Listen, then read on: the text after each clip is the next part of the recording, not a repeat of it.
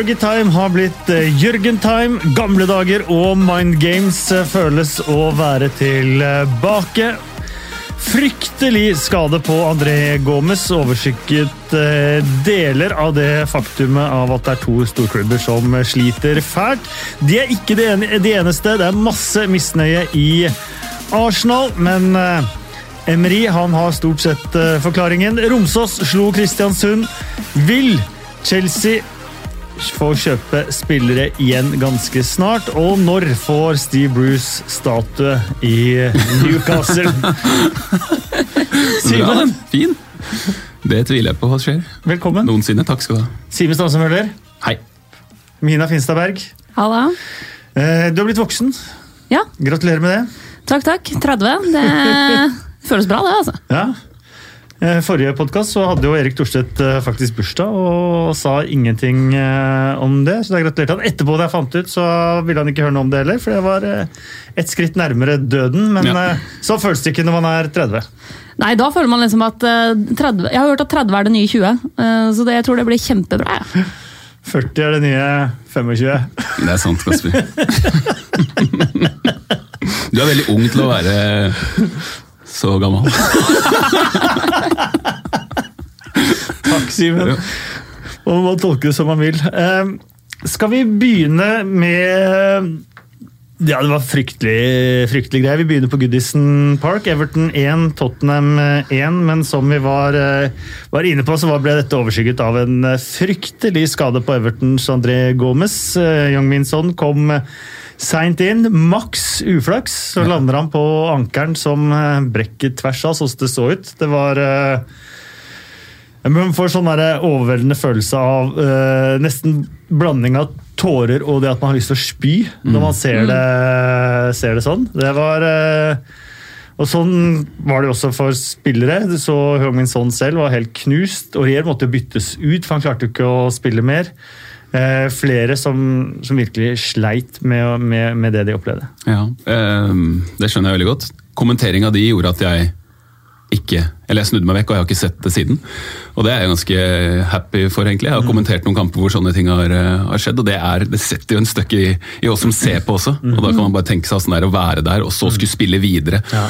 Og så, nei, det var helt, helt grusomt, for du, du sier vel omtrent sånn Det er helt grusomt. det er helt grusomt. Tenkte jeg bare, ok, Hva har skjedd nå? Ja. Hva kan det være? Snu meg vekk, jeg har ikke lyst til å se på det. Jeg fikk et man ser jo det først, og så man skjønner at det er alvorlig, og så plutselig fikk jeg glimt av en fot som sto motsatt vei av beinet. og det... Det er helt, det er helt grusomt, og og jeg skjønner spillerne veldig godt også. Eh, Jeg har vært på, på stadion én gang og hørt et leggbein brekke. Det var Emil Sildenes HamKam mot Hødd for en del år siden. Ja, det husker jeg. Det var, Det var helt grusomt. Da var jeg på, på Briskeby, og da var det sånn at du hørte det på hele banen. At der røyk det, det beinet, liksom. Og det er en vond, vond lyd, og det ser jo helt forferdelig ut. Og altså, Det er lett å, å synes synd på, på Hong Min Son og Aurier, som og Hong Min Son er, er jo virkelig helt knust. Men det er også det med for André Gomez, da, når han endelig funnet seg til rette. Han sleit jo ganske mye mentalt i Barcelona, har vært veldig åpen om det. At han hadde det ikke noe ålreit der. Kom til Everton, har funnet seg veldig til rette der. Et nytt hjem, trivdes godt og, og plutselig blomstra igjen også som fotballspiller. Eh, og så får han en sånn type skade. Nå får vi bare håpe at det går bra med den, men det er jo Nei, det er bare trist, altså. Det har jo gått bra med andre spillere som har hatt alvorlig, sånne type alvorlige skader før. Eh, Ja, noen og noen ikke Noen går i det hele tatt. Tenk karrieren til Skjelbred og, og Fella, f.eks. Mm. Eh, spesielt Fella tror jeg hadde, hadde hatt en helt annen karriere hvis ikke han hadde brukket bein på den måten han gjorde i en. U19-landskamp. Og så tenker man på de det har, har gått Eduardo, Ramsey Ramsey, Totti, husker du? Totti, det var vel i 2006. Det var noe lignende en sånn ankelgreie og en fot som sto helt gæren vei. Og vant vel VM samme året, tror jeg. Eh, Det, det, det som er, jeg kan si at noe er, noe er bra, da, det er jo at han er ung. Mm. At han har, ja, funnet seg til rette, og det virker som at klubben er, er glad i han og kommer til å satse på han videre. Og den meldinga som kom på, fra klubben rett etterpå, hvor det står liksom at en operasjon gikk extremely well.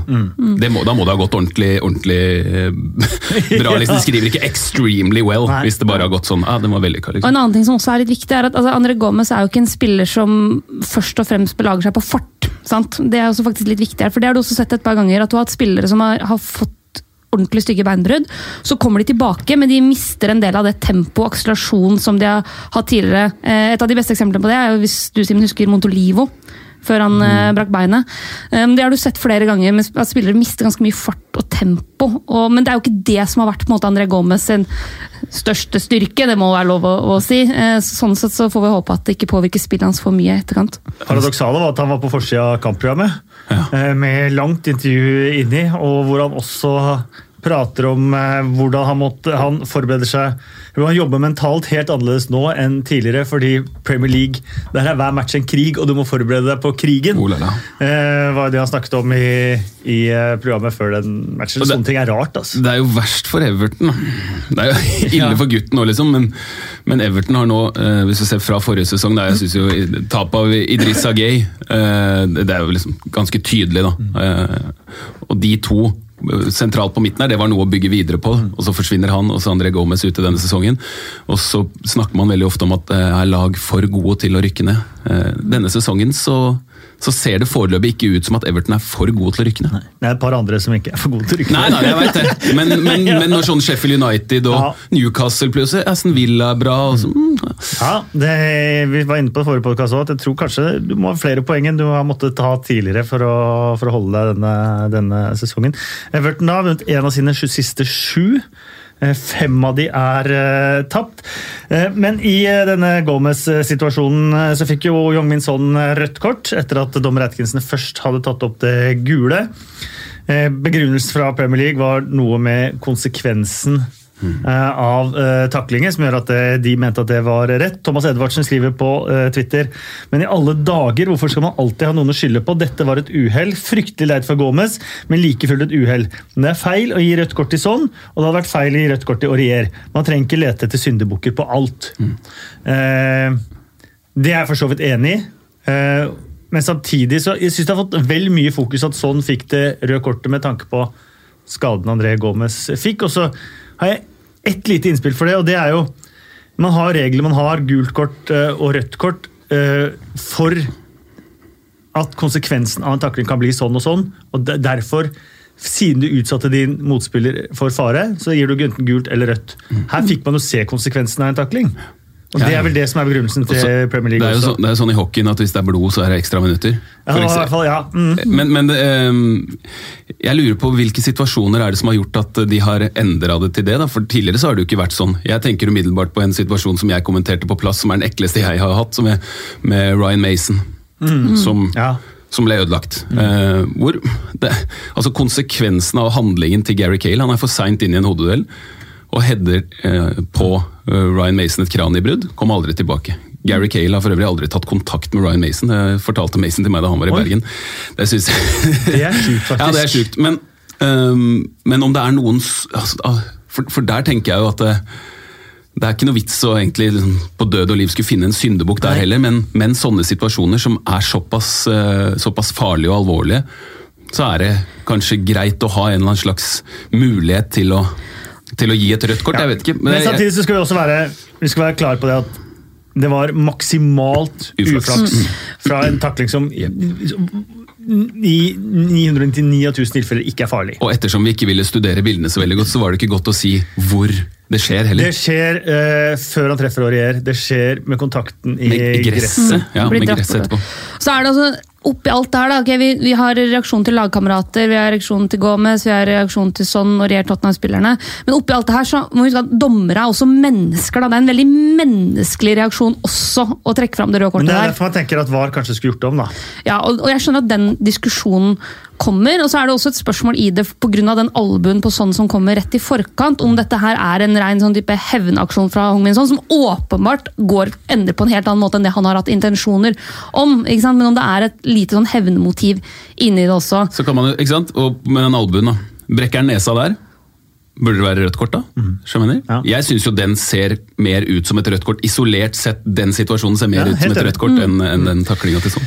Det var jo VAR opp og VAR i mente i eh, denne, denne matchen. Vi skal ikke bruke altfor mye tid på det, men uh, The J-Man uh, på Twitter stiller spørsmålet, Er du ikke enig i at denne straffesituasjonen med Ali Ali er altså borti ballen med hånda etter en duell med Jeremina. Med Ali bør Atkinson få se på monitor. I VM ble det brukt effektivt, og det er lett for dommeren å se situasjonen igjen, om det er rett eller galt. Eh, for meg så er dette verdens beste eksempel på at det ikke skal brukes VAR, og at det ikke skal brukes monitor. Eh, hvis dette her er clear and obvious det ene eller den andre veien, da skjønner jeg ingenting. Helt enig. Eh, dette er en skjønnsmessig eh, avgjørelse, det sa jeg da jeg kommenterte, og begrunnelsen fra Premier League var ganske sammenfallende med det jeg sa da jeg eh, kommenterte. Det er en skulder oppe Nei, det er en arm oppe på skulderen til Ali fra Jeremina som gjør at bevegelsen til Del Alli blir litt rar, og armen kommer opp og treffer. Eh, ingen Det kan godt hende at det kanskje skulle vært dømt straffbart hens hvis man skulle sett de studerte situasjonen altså i over to minutter uten å liksom klare å komme til noe. Hvis dette er definisjonen på clear and obvious og at dommere skal gå og se på, da kan du se på alle situasjoner på banen i 90 minutter. Ja, og den der tenker jeg at det er bedre å se den Hvis du skal se den om igjen, se den i fortfilm. da. Fordi hvis, hvis man ser ting i sakte film og leter etter en helens eller leter etter kontakt mellom spillere, og sånn, så er det veldig lett, å- da kan man finne straffer hele tiden. Eh, jeg synes også det, det der er Reaksjonen hans, den opp med armen, det er fordi at han føler at han får noe i ryggen og han får en uh, albue. Det, det er ingenting. Det er ingenting. Jeg syns, jeg syns ikke det er verken frispark eller straffe. så... Nei, helt enig. Er du, eh, Syns du dette var en situasjon hvor det var naturlig for dommere å gå til monitor? Altså, for det første så gjør man jo ikke det i England i det hele tatt. Nei, men hvis man, Eh, Det er det som er diskusjonen om de skal begynne å bruke monitorene. da. Nei, altså jeg er enig. Jeg syns den situasjonen er såpass tvetydig subjektiv at eh, jeg skjønner helt fint om man ikke hadde gjort det også i andre ligaer, da, eh, hvor man faktisk mm. går til monitor. Og det, er, synes, det Simen trekker opp her, er utrolig viktig. Det med å se ting i sakte film kontra i faktisk hastighet. Og Spesielt når man vurderer eh, hens, men også når man vurderer type, er det nok kontakt eller ikke. Alle de tingene her. Så Når man ser ting i saktefilm, det, er- det, du kan ikke sammenligne det med når noe skjer i real time i fotball på noe som helst måte. Fordi det er noe med hvor god kontroll har du på kroppen din, hvor, er, hvordan er det naturlig å bevege deg i en duell. Alle disse tingene som påvirker hvor vi har armer og bein, og vi, om vi faller eller ikke. Det er jo derfor jeg synes veldig ofte at folk sier at, eller beskylder spillere for å, å filme eller overdramatisere, falle for hardt. Ja, det der gjør ikke vondt i det hele tatt. Når du sitter og ser på ting i sakte film, ja, selvfølgelig så ser det ut som om du går i bakken for ingenting fordi du får en liten kakk på leggen hvis du ser det i sakte film. Men dette her skjer jo i fullt tempo, og det er klart at du, det er mye mye lettere å miste balansen da enn ja, Dere skjønner hva jeg mener. Det frustrerer meg, altså. Men jeg er enig med dere. Og så var vi, var vi på dette møtet med Rossetti, var sin far. Og han sa jo det at skjønnsmessige situasjoner, situasjoner som ikke er krystallklare, de skal VAR holde seg langt unna. Det var han jo veldig klar på. Og da mener jeg dette er skoleeksempelet på en situasjon som VAR ikke skulle brukt over to minutter på, men holdt seg langt, eh, langt unna. Tor Magne K- Madsen skriver på Twitter Everton sparket Allardyce etter åttendeplass, har brukt en milliard eller tre. Ligger ganske likt som de gjorde for to år siden da de fjernet Koman. Sparker sikkert snart Silva òg. Vi kikka jo litt på det. Vi fikk aldri brukt i sendinga, Simen, men forrige gang vi var i Premier League-studio sammen, så hadde vi jo Everton. Hadde vi ikke det? Jo. Og, og da så vi jo litt på talla, sammenligne talla med Koman sine tall. Både på antall mål scora, avslutninger, avslutninger imot, sluppet inn. Og det har jo, det har jo ikke blitt bedre. Det er den korte oppsummeringa. Det har ikke blitt eh, bedre. Men det Eh, er jo samtidig en eh, klubb som hadde én manager i eh, 100 år, som har blitt en klubb som nesten spiser manager litt.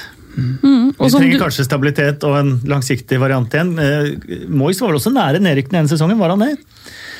Det lurer jeg på om han var, om dette var rett før han ble ansatt. Men da var de veldig nære å rykke ned en sesong. Ja, jeg, jeg tror at det er en bedre idé, men samtidig så var ikke den følelsen jeg satt med da de hadde, hadde Allardyce. men, men, så, eh, Marco Silva er liksom et navn som lokker, og kanskje en sånn type manager som, eh, som lokker mer enn eh, andre. Men så han må jo eh, han må jo være den som vet best til enhver tid hvem som passer til å spille fotballen hans. Og når han bytter så mye på laget og virker som at han sliter med å finne ut hvem som er de beste spillerne for hans type fotball, så syns jeg det, det må jo være en smertegrense der også for hva, hva han kan få lov til. For han har ansvar for resultatene til Everton. Rekruttering er viktig, ja, men se hvor mye de bytter på uh, laget. Du må ha stabilitet, uh, du må ha spillere du kan stole på. De har ikke en keeper de kan stole på heller. Han har, han, han har veldig store problemer med Jordan Pickford. Jeg synes det alltid det ser ut som han kommer til å gjøre noe rart i hver eneste kamp. Hver eneste kamp. Del Alli, jeg snakka jo hele intervjua med han så vidt etterpå. Han uh, sa jo det at han, uh, han, visste nøyaktig hvor han skulle sette den mot uh, Jordan Pickford. og Jeg var borte og tulla litt med han om det etterpå også. Uh, Allert, uh, for å avslutte den matchen, liten hyllest til Goodison Park. De skal dessverre, dessverre flytte til et fantastisk flott stadion, de òg. Så jeg Jeg, jeg syns det er så Jeg skjønner jo hvorfor Eh, når man er i klubbsjappa, eh, lite kott utafor eh, stadion der, og, og, man går og det, det lukter liksom halvveis urin rundt om. Og, Inn i presserommet der er ikke så svært heller. Nei, alt. Så man skjønner jo at de tenker på å flytte videre. Samtidig så er det jo en fantastisk, fantastisk stadion som man kommer til å savne for alltid. Og tenk på alle de stadionene som er borte. Fra Filbert Street, Roker Park, The Dell, Highbury, Main Road, White Hart Lane, The mm. Den. Det er så mange fantastiske stadioner. Highbury, som er borte for alltid. Og det er ingen riksantikvar som tar vare på de! Og her er jeg veldig sånn nostalgisk konservativ på det med fotballstadioner. Ja, baseball ground ja. og din gamle Victoria ground. Og, og sånn, Selv om jeg kan skjønne alle de rasjonelle grunnene til at man eh, ønsker å bygge en ny stadion, og at ting har blitt gammelt, ting har blitt slitt osv., så, videre, og så, videre, så jeg blir lei meg. Så ja. jeg, jeg blir lei meg når, man, når de stadionene man har vokst opp med, og som alltid har vært der, og som har så mye historie i vegga. og sånn Jeg skjønner at det må bli sånn. Nå, nå snakker de jo på femte år om at de skal jo for rive San Siro. Eh, for den er gammel og utslitt. Men det, men det er jo, I hele Europa så har du de her gamle, klassiske stadionene som har vært landemerker, som har vært et hjem for supportere og klubber i lang lang tid. ikke sant? Og som, ja. Bowling ground. Uff, ja, nei, vi går videre til eh, plastikkbolla i Manchester Etiad, som en gang var Main Road. Eh, et litt annet eh, sted, men Manchester City de slo i alle fall Southampton 2-1. Det holdt hardt. Southampton tok ledelsen. Manchester Citys første skudd på mål var faktisk Agueros scoring i det 70. minutt. Eh, Pep Guardiola ekstremt eksaltert på benken. Etiad stadion, atmosfæremessig noe av det beste på lang, lang tid. God eh, blanding av at de ikke vinner 8-0 og at de surfer mm. mot en dårligere motstander.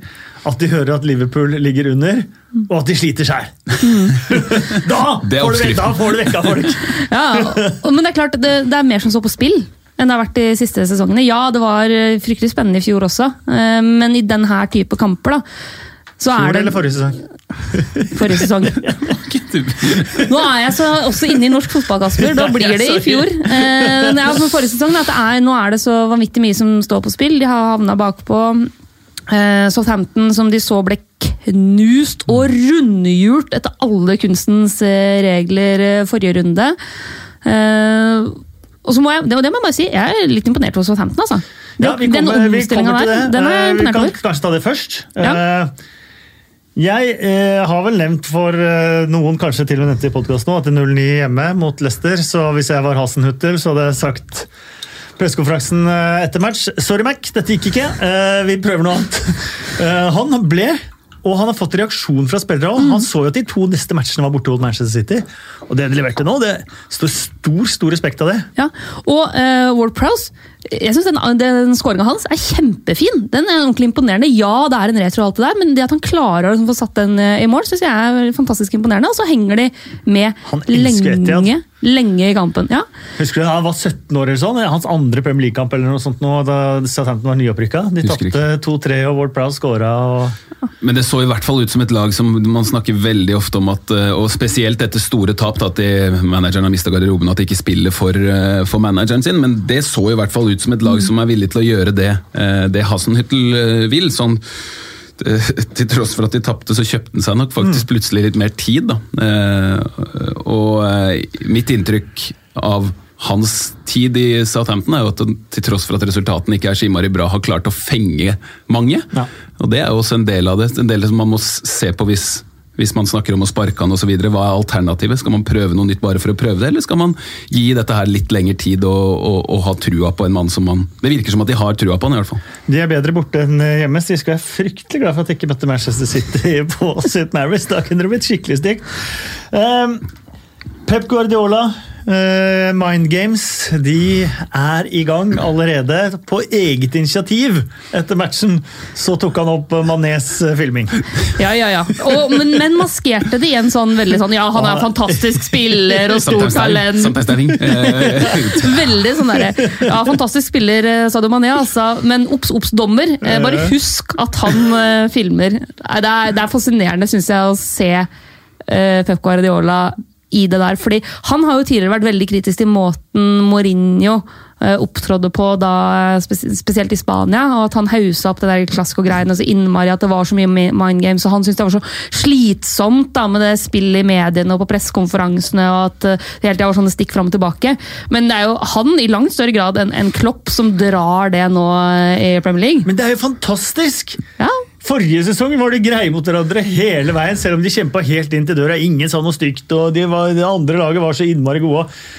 Ferguson uh, Wenger. Mourinho Wenger, ja, ja. Ferguson Rafa Benitez. Vi har hatt noen sånne fantastiske Mourinho dueller. Benitez. Mourinho Benitez, uh, fantastiske dueller utafor banen. Jeg synes det er dritdigg. Og nå er Klopp. Tre, to, én tactical fouls. ja, ja, det er, det klart det. Og, de, og det, som, det, som, er litt morsomt med Guardiola, at intervjuene med han er jo dørgende kjedelig. Nesten alltid veldig kjedelig. Han får noen ganger gode spørsmål, noen ganger veldig dårlige spørsmål, men han svarer jo bare basic hele tiden. Og det var litt samme tilfelle nå. Får et litt kjedelig spørsmål, så plutselig bare putter han inn en som Oi, oi, her er det mulighet! Men så vil han jo ikke svare selvfølgelig på noen oppfølgingsspørsmål, og sånn, men eh, de, de to gutta der, de styrer alt i eh, intervjusettinger. Det synes jeg er morsomt med både Klopp og Guardiola. Du kan stille dem, Det er sånn som politikere.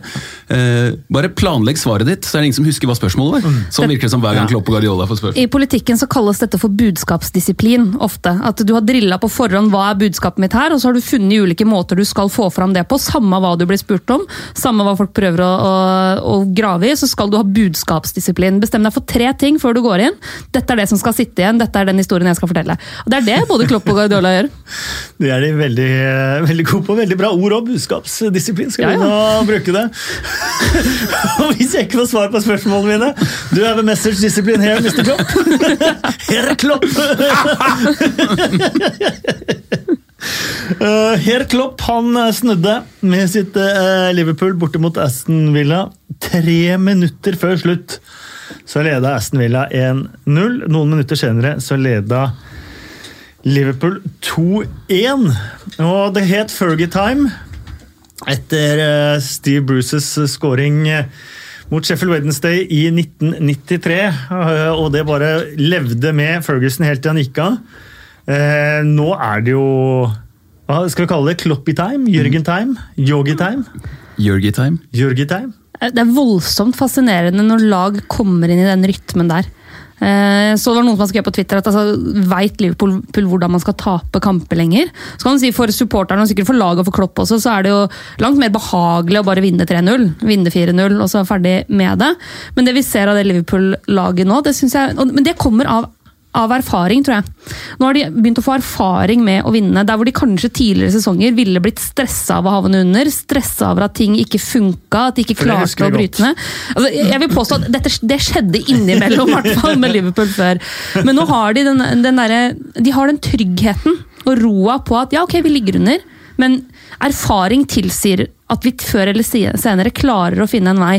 Fordi motstanderne våre sannsynligvis ikke kommer til å klare å holde ut det presset vårt, holde ut det tempoet over tid. De kommer til å gi oss rom, de kommer til å gjøre feil, vi kommer til å klare å presse dem til å gjøre feil. Og da har vi offensive spillere som er såpass gode at de klarer å utnytte den ene lille muligheten de får. Dette er jo det Juventus har vært så kjent for å gjøre tidligere, men jeg syns også at Liverpool begynner å få det i seg. og det er jo, Du kan si på den ene sida ok, det er litt grunn til bekymring at det er fryktelig mye litt sånn knepne ettmålsseire, men samtidig det er ofte det som kjennetegner vinnerlagene også.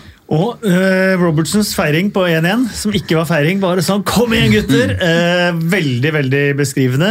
Eh, fikk litt Barcelona på Anfield-feelingen av corneren til. Alexander Arnold. Det er gode opplevelser man tar med seg hele veien. Eh, også her var diskutert Firminos eh, offside. Igjen så var det en armhule som var i, var i offside. Det er utrolig irriterende. Mange mål har du med armhulen, forresten?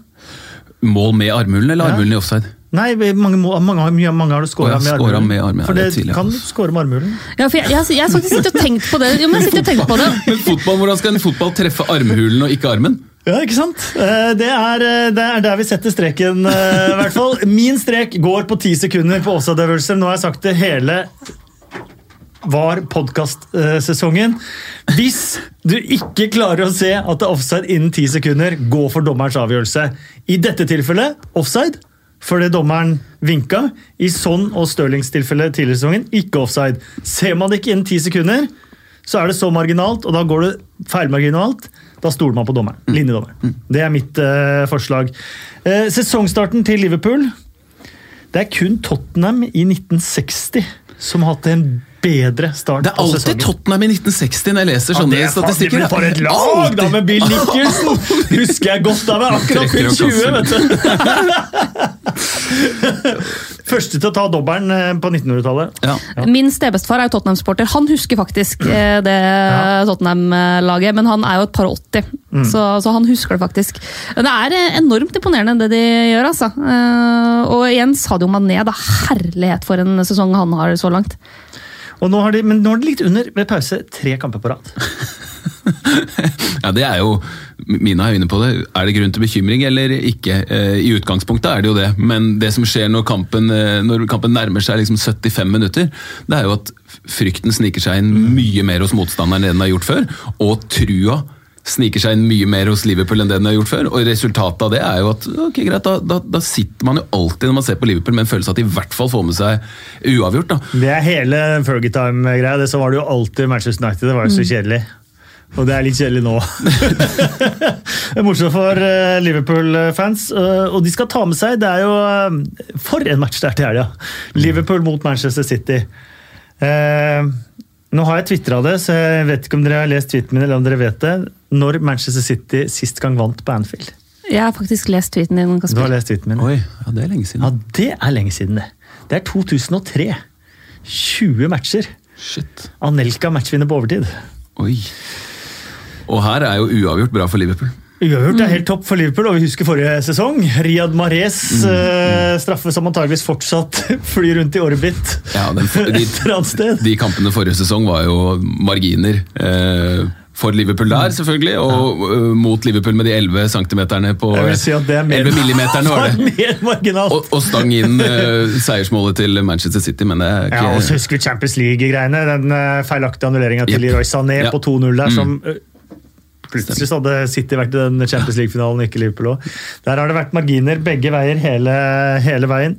Eh, Vi gleder oss eh, i hvert fall, mens eh, Arsenal de har det ikke like bra for tiden. 1-1 mot Wolverhampton etter å ha tatt ledelsen 1-0.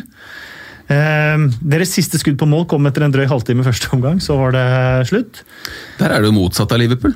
De leder jo ganske ofte. og Så bare, pff, Helt. eh, Og sånn var det motsatte fra forrige sesong. Da henta jo alltid Unai Emery opp eh, etter å ha blitt liggende under. Jeg elsker for øvrig intervjuene til Unai Emery. Jeg syns ikke han blir noe bedre i engelsk. Good evening. Eh, good evening. Og så har dere merket merke til, uansett hva man spør om, eh, hva fungerte, hva er du fornøyd med, hvordan skjedde det, så gjør han ingenting annet enn å bare forklare matchen. Eh, yes, eh, we started. Eh, we played football. Eh, we scored 1-0. Eh, second half. Eh, they scored eh, 1-1. And a draw. det er liksom bare Han sier aldri leser- han leser en notis i Aftenposten. Aldri noe annet enn å referere en NTB-notis fra, fra matchen. Prøv å legge merke til det! Du får aldri forklaring på noen ting.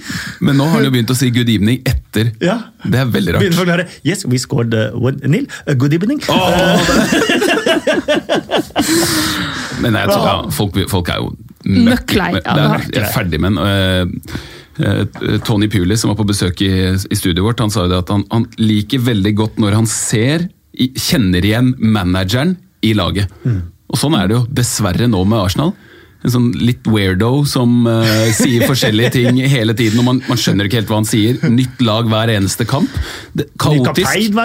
Kaotisk på, i intervjusonen og kaotisk eh, på banen. Det er jo også Så skjønner jeg veldig sjelden hva han egentlig prøver på. Det er ofte liksom faresignal. Jeg synes det er ofte vanskelig å Når han kaster ut en ny lagoppstilling, når han setter spillere i nye posisjoner så, jeg, jeg sliter veldig ofte med å skjønne ja, men hvorfor gjør du dette, da? Hva, hva er målet med det her? Liksom, de gangene han har for eksempel eh, insistert på at uh, Torreira skal være offensiv. altså Sånne type ting som jeg ikke forstår noe særlig av. Uh, så det, det Arsenal-laget nå, det er eh, Også Det hjelper ingen eh, managere som heter Unai Emery at José Mourinho driver og spiser lunsj med sjefene, selv om det ble, ble benekta. Ja, og selvfølgelig blir det rykter om Emery ut, øh, men og Mourinho i Arsenal jeg, jeg ser bare ikke det skje i det hele tatt. Jeg sliter veldig med å se det for meg. Og så er det de er jo litt, Når vi snakker om øh, potensielle managere i storklubbene som kan få sparken, så er jo det åpenbare spørsmålet alltid ok, men, men finnes det noen gode erstattere tilgjengelig som faktisk passer klubben, øh, og som er villige til å ta på seg det prosjektet, og som man tror kan ha en eller annen form for umiddelbar effekt. Og da, Hvem er det som er ledige nå, da? Det er, altså, ja, ok, Mourinho. eh, Allegri. Men tror man at Allegri på en måte er eh, Kan jeg bare få si noe om Mourinho? For Min første tanke var bare at det er jo helt krasj. Mourinho og Arsenal, man må finne mennesker som passer klubben og sånn. Og så eh, har denne tanken modnet litt, og nå har jeg havna på eh, diametralt motsatt standpunkt.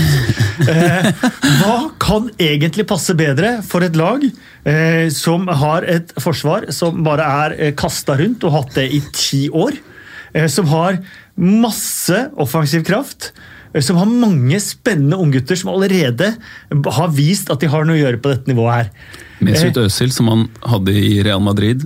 Hva kan passe bedre enn Mourinho til å organisere dette laget til en solid, defensiv eh, eh, enhet med masse offensivt flair, hvor de bare gjør som de vil. Det høres nesten ut som et Ferguson-lag. det. Aubameyang som ikke er borti ballen, bare skyter Ja. og jeg tror, Saka, Nilsen, Willoch tenker også, det er jo ikke, det er jo ikke, en, er jo ikke dårligere idé enn en han som er der nå, i hvert fall. Og jeg tror ikke han kommer til å klare altså, Mourinho eh, ja, lever dessverre litt for mye på imaget sitt. Da. For jeg, jeg tror jo ikke at han er sånn, eh, sånn som han fremstår innad. Eh, men han skal på død og liv være så innmari Mourinho hele tiden. Eh, men nå har han jo vært på en ordentlig sjarmoffensiv her nå og skal Eh, altså, det har jo faktisk for første gang på veldig lenge vært mulig å like han når, han, eh, når man ser på han og hører han snakke. Så kan det hende at det tar en eller to kamper, så er det omvendt. Men jeg, jeg tror også at det, ikke, det er ikke nødvendigvis noe, noe dårlig idé, det. altså Hvis Nei, han vil, og hvis han får eh, Spennende tanke, ja, Hvis han får noen spillere som han vil ja, Før helga lanserte jeg nemlig på Twitter at han kanskje kan være perfekt for Westham. Um, men jeg, min min pendel da var veldig Westham, null Arsenal. Den har svingt, eh, svingt godt, eh, godt over. Eh, Jeg er enig i at det hadde vært interessant, eh, Kasper. Det. er- Men kan jeg komme med en bitte liten artig ting? du kan komme med hva som helst Eh, til artige ting. Fordi, altså, Jeg har jo pådratt meg en hobby hvor jeg sitter ganske ofte inne på premierleague.com og kikker på sånn all time-statistikk. Snakker du all time da, eller snakker du er fra Premier League. 1992? Ja. Jeg vet at du, dette det irriterer, jeg vet at dette irriterer deg. Kasper. Så dette Kan ikke er kalle noe fra 92 all jo, time! jo, men du kan si altså, Men jeg- jeg skal- Premier League sorry, jeg skal ikke ødelegge. Er han? Ja. Eh, og dette gjelder uansett, fordi eh, jeg sitter jo og følger en del med på assist- og målelistene gjennom tidene. Og Aubameyang er nå, eh, har nå like mange Premier League-skåringer som Steffen Iversen, og har gått forbi både Jon Carew og Tore André Flo. Med sitt da 40. mål eh, Bak nå. Joshua King. Fortsatt bak Joshua King. Eh, Joshua King kan ta igjen Fredrik Jungberg eh, den eh, sesongen eh, her. Aubameyang kan ta igjen eh, Jonathan Walters. Det hadde vært stas for ham. wow. Mens Vardy kan ta igjen Solskjær neste kamp, for han har 90. Solskjær 91. Var det Jonathan Waters som bomma på tre straffer? Nei, Eller to straffer? to straffer og Og pluss selvmål. selv. Ja. Kjempespiller. Ja. Men han eh, Jeg ser han stadig vekk i litt sånn eh, pundit-roller. Syns ikke han er verst i det hele tatt. Han er fet, han. Så det, det tenker jeg blir stort for Aubameyang når han eh, snart går forbi Walters. Enda bedre, eh, sånn bare liten Jonathan Walters-digresjon, var det jo å se match i går. Steven Ward hadde jeg helt glemt. Eh, han kommenterte mye i Wolverhampton i sin tid. Plutselig så dukka han opp. Kom inn på Stoke. Og når man snakker om at du skal kjenne igjen et lag, eh, lag i manageren eh, Stoke har ikke manager, for å si det sånn. eh, Jo, det er jo akkurat det de har! De har Rory Dillap! Har de? Ja! Det er helt rått! Hvordan, at de ikke bare sier dette er permanent, vi lager, gir deg en tiårsavtale. Du er DNA til Stoke! Den tidligere spydkaster Rory Dillap. Ja, det er Ja. Det der er, den Stoke-sesongen her er til å grine av, det må jeg bare si. Men eh, herfra kan det bare gå oppover. Men dette var litt morsomt. Ja da, det var det. Hæ? Jeg elska det. Jeg ser Rory DeLapp der og tidenes klareste straffespark eh, på slutten. Og Pulis Jeg- ville ikke ta Stoke. Sånn. Han får tilbud. Nei, men han sa bare han har gjort så mye der. Ja, at, eh, ja, jeg skjønner jeg skjønner, godt. skjønner godt hva han Veldig mener. godt.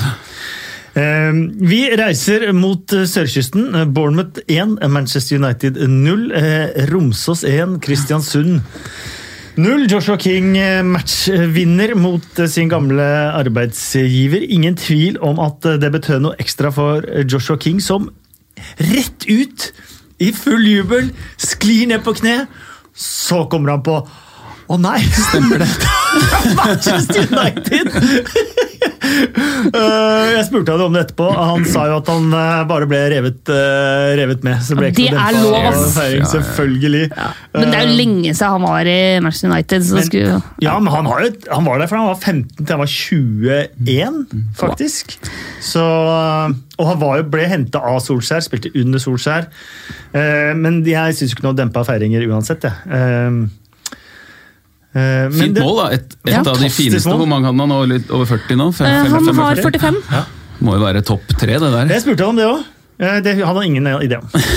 Nei, jeg, jeg tror han er en fyr som bare er opptatt av altså Mål er mål for Joshua King, tror jeg. Det er litt sånn, Jeg scora, det, Ja. det var bra. Ja, Men han sa jo at det betød litt ekstra for Manchester United. Han syntes det var fint, men om, om det var hans fineste Men det er, jeg syns det er en kjempeskåring. Uh, så er det klart Han får litt hjelp av Aron Wambisaka, må det være lov å si. Eh, men, uh, men det er eh, imponerende, det han gjør. altså. Eh, voldsomt sterkt. Og et Bournemouth-lag som så bra ut. Ja, absolutt. og de har jo tetta igjen bak. Nå har de Ja. holdt nullen i tre kamper på rad etter ikke å ha holdt nullen Noen, noen av de foregående. Eh, Jeg liker han Philip Billing, men han er så treig. ja, han er veldig Men Han er så slepen. Ja, fin og ta tar for seg òg. så fantasy-messig så er at Aaron Ramsdale måtte eh, selv ta kontakt med eh, Premier League i sommer for å i det hele tatt komme Informere om at jeg finnes. Ja, og at han måtte få en pris. Ja. Eh, så det er ikke verst. Eh, men det var egentlig ikke det eh, Jeg så på Sky-sendinga før match sto på i presserommet. Tre borteseiere på rad for Ole Gunnar Solskjær og Manchester United. Man ser leser leseraviser og sånt, og alt er liksom bare Dette Solskjær-prosjektet det er på skinner. Rio Ferdinand snakket om at eh, nå kunne han endelig se United-DNA i laget.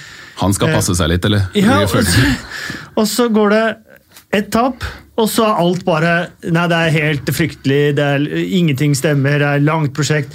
Det, det endrer så altså fra kamp til kamp. Folk har har så dårlig- dårlig Det er så hukommelse. korttids hele veien. Det er gullfisk. Det er, altså Fotballfolk, supportere, alle har gullfiskhukommelse så det holder.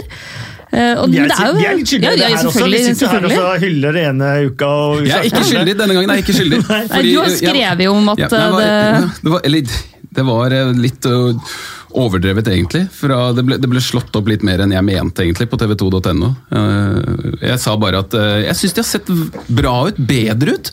Veldig bra mot Norwich, men der var det også ganske så mye rom. Det var Den klikk-klakk-skåringen, det var sånn åh, der, nydelig. Men det kan jo plutselig bare skje når det er så gode spillere som spiller sammen, med Rashford og, og Martial. Men da sa jeg jeg klarer fortsatt ikke helt å se hva de prøver på når de spiller mot lag som er etablert. Og det, eh, det må de finne ut av, og det må de klare for å kunne for å kunne Jeg ser hva Leicester prøver på.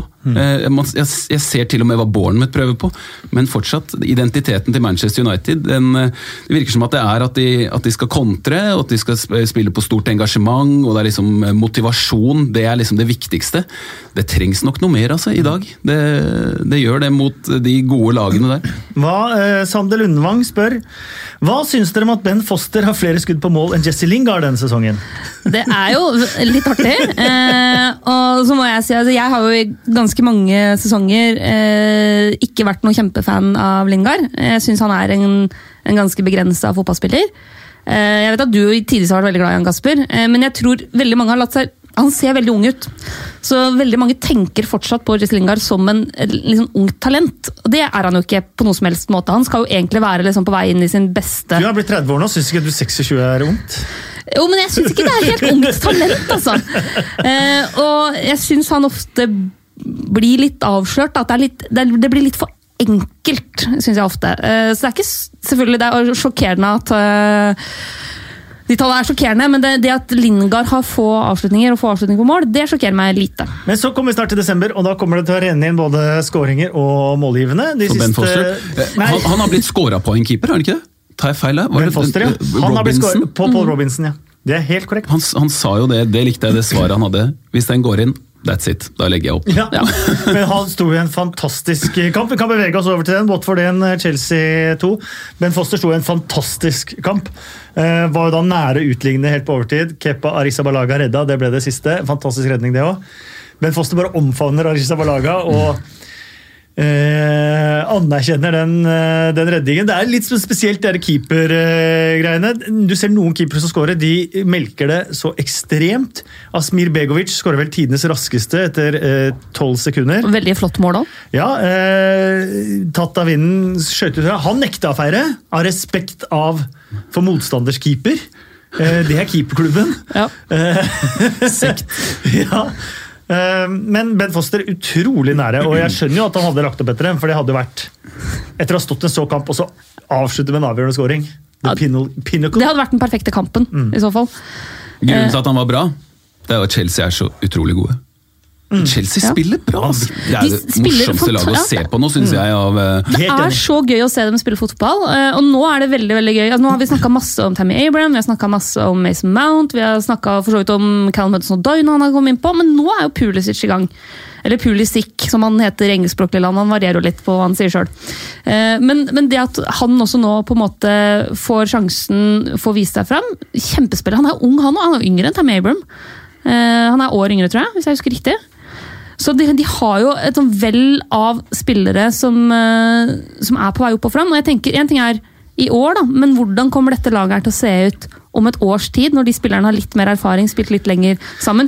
Jorginho, som er bra igjen. De, Dette er- de de Sarri-gutta er bra. Eh, Kovacic Ja. Kovacic og Jorginho syns jeg var de to beste. Men dette er jo dette, det spennende nå. eh, fordi at Chelseas anke om overgangsnekt over to vinduer og få det redusert til ett vindu, ergo at de kan kjøpe igjen i eh, januar, den skal jo opp om 15 dager. Eh, sitter Mount og de andre og biter negler eh, nå, eller? Ja, Nei, men det, Hvorfor skal de kjøpe nå? De har jo anka, det er Ja, helt men- åpenbart at de har lyst til å kjøpe. da. Jeg, jeg, jeg syns jo det høres ja, de, Det virker som at de anker bare for å gjøre det. Synes jeg. Altså, det, det Du tror ikke de kommer til å handle? Hvem? Hvor? Nei, jeg vet ikke. Da, ja, jeg, Så jeg tror så lenge Lampard leverer både resultater og fantastisk fotball med en gjeng spillere som har gått gradene i Chelsea, som han kjenner godt alt det der, så, så kommer han til å ønske å fortsette med det. hvilken lagdel? Hvilken posisjon? Hvilken, ikke hvilke, men hvilken. Altså, De har uh, Aspille Coeta, og så har de ved backup uh, han uh, Reece James, James, kan vi spille der. Eh, stoppere har de uh, Rydiger skada. Eh, Zuma og Tomori gjør det bra. Eh, Emerson og Alonso på venstreback, de har veldig god keeper. Kanté er jo skada, han spiller ikke. Likevel så de, gjør de det veldig bra på midten.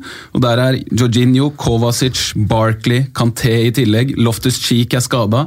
Eh, Mason Mount, William, Pedro, Tammy Abraham, Pulisic og Giroud. Hvor skal Ja. Det ser veldig bra ut. Men får jeg lov bare å helle da litt kaldt blod i årene? Dette er- Kaldt vann. Eh, Kaldt vann i blodet. Eh, Dette er, eh, Jeg vet at Chelsea-sportere syns at dette er det verste som kan bli tatt opp av alt, men jeg gjør det likevel. De har tapt to ganger mot Manchester United denne sesongen. De har tapt mot Liverpool denne sesongen.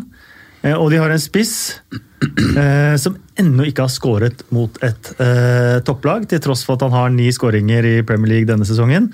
For Swansea skåret han mot Norwich, Sheffield United eh, Nei, for, for eh, Swansea skåret han mot Crystal Palace, Watford, Huddersfield og West Bromwich. Denne sesongen har han skåret mot Norwich, Sheffield United, Wolverhampton, Southampton og Watford. I tillegg til Lille. Skårer bort, borte mot litt sånn halvveis gode lag. Er det et eh, problem, eller er det tilfeldighet? Det kan bli et problem. Det kan det litt, litt tilfeldig at han ikke scora mot eh, United i første Ja, matchen. smalt på innsida ja. Nei, jeg tror. Foreløpig så er det Jeg husker det var så veldig mye snakk om det når det gjaldt eh, Lukaku. eh, At han ikke scorer mot de beste lagene.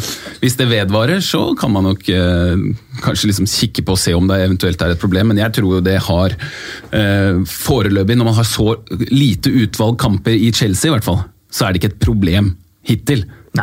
Bra, da fikk vi svaret på det. Brighton de slo Norwich eh, 2-0. Veldig mange var skeptiske til eh, både Graham Potter og Brighton før denne sesongen. Jeg tror de og Sheffield United eh, lå stort sett nederst på de aller fleste tabelltips. Eh, De er på åttendeplass, har skåra 14 mål. Eh, Var klart best mot Norwich. Leandro Trossard, innbytter 1. Og målsniken Shane Duffy der. Shane Duffy 2. Trossard fikk både målgivende og spillere han, som han har vært skada lenge nå, men var tilbake her nå, eller til innbytter i forrige kamp. Litt som Antone Martial var tilbake forrige helg. Mm. uh, ja. Brighton er bra, da. Eller er sånn de, de, Spiller for spiller er de eh, kanskje bedre enn jeg hadde tenkt på før sesongen. Jeg synes det er ganske mange gode spillere der. Og så er det jo veldig sterkt av en manager å komme inn og forandre såpass mye og faktisk få det til å se bra ut når de skal spille, slå så mange pasninger. Og det starter jo bak i Forsvaret. At de gutta der bare ja, Man kan få det til. Og så Det har han jo gjort i andre klubber også, hvor han har vært både i Østersund og i, i Swansea.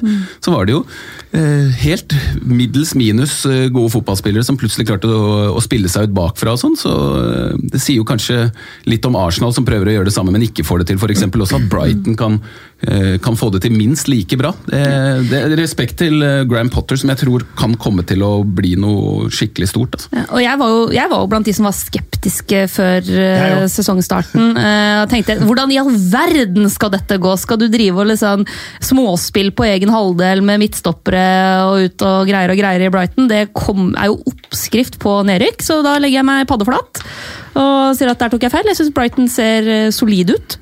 Uh, og jeg synes sånn som, mm, ok, Nå blir det ikke mål på Mopai den gangen, her da, men han også er jo en av de spissene som jeg synes har sett veldig frisk ut i det siste.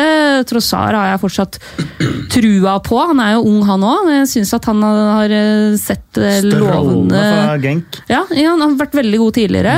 Og så er det jo alltid litt sånn med unge spillere som kommer til ny liga, hvor lang tid trenger de på å måtte finne seg til rette. Men jeg syns han ser kjempebra ut, så det er imponerende. altså. De drev vel og sniffa litt på Sander Berge også, Brighton. Ja, de jeg- gjorde det, men de- han, han ville ikke. Jeg tror kanskje var litt skeptisk til eh, Kanskje til sommeren, da. En vei inn i Premier League for han. Han og ut Trossard var veldig gode sammen. Ja, og det ser ut som den fotballen de spiller, tror jeg kan passe han brukbart. Definitivt. Eh, Sheffield United, et annet lag som eh, har eh, imponert voldsomt, vinner altså 3-0 mot Burnley. John Lundstram igjen med to mål. Lysmosé med eh, tre målgivende på én omgang. Han hadde ikke hatt noen målgivende, tror jeg var på 65 kamper eller noe sånt før det. Sånn tre, litt heldig et par av dem, Ja. Assist hat trick er imponerende. Men eh, jeg var inne på det forrige podkast også, en del av de historiene fra O'Connell til Egan til Basham til eh, Enda Stevens, Boldock, eh, Fleck McGoldrick, hele gjengen. Men John Lundstrøm også, og jeg var så vidt inne på han sist òg, men han har også spilt for. Han kom opp gjennom akademiet til Everton. Har spilt for Doncaster, Yeovil, Leighton Orient, to forskjellige etapper. Blackpool, Scunthorpe og Oxford. Før han kom til eh, Sheffield United for drøyt to sesonger siden. Herlig spiller. Altså, han er en av de, jeg, og Det er ikke bare fordi han er et kupp på fantasy, men det er, han er en av de spillerne jeg virkelig har kost meg med denne sesongen her. Og 21 du 21 poeng sa guttungen at han fikk på fantasy. Ja. Satt på Eh, benken men hos meg, da. Ja, da, ja, da. Men det er sånn, jeg synes han, Det han viser også i den kampen, her, da, det er den der enorme viljen også. Han løper hele hele veien. Altså, det, det, det bare finnes ikke noe stoppknapp på han. Og jeg synes Det er så fantastisk artig å se Sheffield United spille fotball. Det er et lag jeg virkelig koser meg med å ha i Premier League. Både liksom, de, de, Jeg syns de spiller kul og interessant fotball, de har fete spillere, de har jo et trenerteam som jeg og mange andre er veldig glad i. Eh, altså Ikke bare Wyler, men også assistent Alan Nill, som, som, er jo egentlig mannen bak der eh, overlappende midtstoppere og alle de ideene der. Og disse gutta som bare har holdt sammen i alle år. Jeg syns det er en så artig klubb. Jeg synes Premier League blir rikere av å ha Sheffield United oppe. Altså. Definitivt. God stemning på Bramall Lane er det også verdens eldste stadion det fortsatt spilles profesjonell eh, fotball på. Sheffield er jo fotballens vugge. Jeg var der i Hallam for noen uker siden. Den eldste stadion hvor det fortsatt spilles fotball. Den, det er en bakke. Det er en helling på, på høyde med et, med et fotballmål. Altså det går Men er ikke Hallam en av de to byene også som uh, før fotball ble fotball? Jo. Så, som var det omgjørende for ballen fra den ene Jo. byen til den andre byen? Jo, Var det, jo, det, en av de det to tror jeg altså møt, møttes de. Det var alt, de spilte fotballkamper alt ettersom hvor mange som møtte opp fra hver by. da. Så det kunne være, Og det var det liksom sånn 35 mot 28. Eh, det, sånn sånn starta det med, og så tror jeg bare det var noen stenger som de skulle treffe. eller noe sånt. Det var fotballens uh, start. Men, uh, men der er det i, I Sheffield der er det ganske sånn slitt, altså. Veldig slitt i, i Sheffield. Jeg, jeg fikk, jo, fikk jo litt Jeg var jo på Hillsboro eh, da jeg var sånn eh, 15 år og, alene, og så Norwich Sunderland i semifinalen i FA-cupen. Eh, Da fikk jeg jo bank Ja. på togstasjonen i, i Sheffield og noen Sunderland-supportere der. Hadde du yppa deg, da? Nei, ikke i det hele tatt. Jeg var mutters aleine og liten gutt. jeg. Men eh, jeg sto i kø for å kjøpe noe mat til, mat til toget. Så jeg ble overfalt, rett og slett. Ja, ja. Vi- vi kjø- vi Jeg fikk brev fra manageren da, til Norwich en uke etterpå. Jeg, det var masse politi involvert og, og greier også. så. Norwich fikk jo beskjed om hva som hadde, hadde skjedd, så jeg har det brevet fra manager Dave Stringer ennå. Eh, hvor de har blitt informert da, fra constable ditt og ditt om hva som hadde skjedd. og, og sånn, ja. Kjørte forbi et uh, skilt hvor det sto Stocksbridge Park Steels next home game. Hvilken spiller tenker jeg på da? Da tenker du på Jamie Vardy. Helt riktig. Ja. Det er sånn åtte, syvende divisjon Ja. eller noe sånt. Der spilte han og jobba på gummifabrikk da han var 20 eller noe. ja, Går an, jo. Fantastisk. Skal vi gå til Jamie Vardy, da, eller? Bra overgang, det. Ja, nydelig. Jeg syns han er så morsom, og nå har han jo blitt enda morsommere etter at kona har fått mye, mye pes. For nå finner han seg ikke i noen ting. Jeg tror han scorer mål kun for kona for tida. Eh, vi så det jo da han skåra hat tricket mot eh, Southampton. 9-0 på overtid. Fire Southampton-supportere igjen på St. Mary's. Men de skulle hysjes! og, og nå var det ørne, ørneflaksing på, på Sellers Park. Jeg skjønner jo at han tar igjen, eh, som Opakus skriver på, på Twitter. Syns det er herlig med legitimt eplekjekke spillere. Fallhøyden er veldig stor, så han må i aller høyeste grad tåle å bli skjemt tilbake når han driter seg ut. Og Steffi sier det samme. Er det lov å være provoserende når man ligger på såpass høyt nivå? Ja, men det- ja, Det går helt fint. Jeg vil bare si Det er jo ingen steder det finnes hvor flere folk blir ep eh, mer eplekjekke enn fotballbaner. Folk blir jo eplekjekke med en gang de kommer inn på arenaer. Ikke fotballbaner, inn på arenaer. Så blir jo folk helt tullinger. Jeg elsker når spillere eh, hysjer tilbake Kanskje det var litt drøyt mot Southampton, men, men sånn, han, har er sikkert, er han, har sikkert, han har sikkert fått, Fått høre det. gjennom en hel kamp. Herlig! Elsker det! Så det er helt fantastisk. Jeg så en eh, tweet som eh, bare beskrev det her. Hun skrev at, eh, om var det at The man thrives on chaotic shithousery. Og det er en veldig presis beskrivelse. For det, altså jeg skal bare se for meg at Jamie Vardy bare fyrer seg så voldsomt opp på kaos og litt aggresjon og krangling Tre og Red Bull og en omelett, er ikke det hver dag, da? Og han. Ja, ja, ja. Og så har du litt eh, sånn halvråtne tenner der òg. Men han er så, han er så upolert. Da. Det er så, jeg synes det er så deilig at det fortsatt er plass til sånn spillere helt uten filter. Og fyren er godt over 30 år nå, og han mister ikke en et tidel fart. Og han Det, har... er- det syns jeg er helt fascinerende. og han er jo også spilleren som bare skyter i stykker alt sånn expected goals-greier.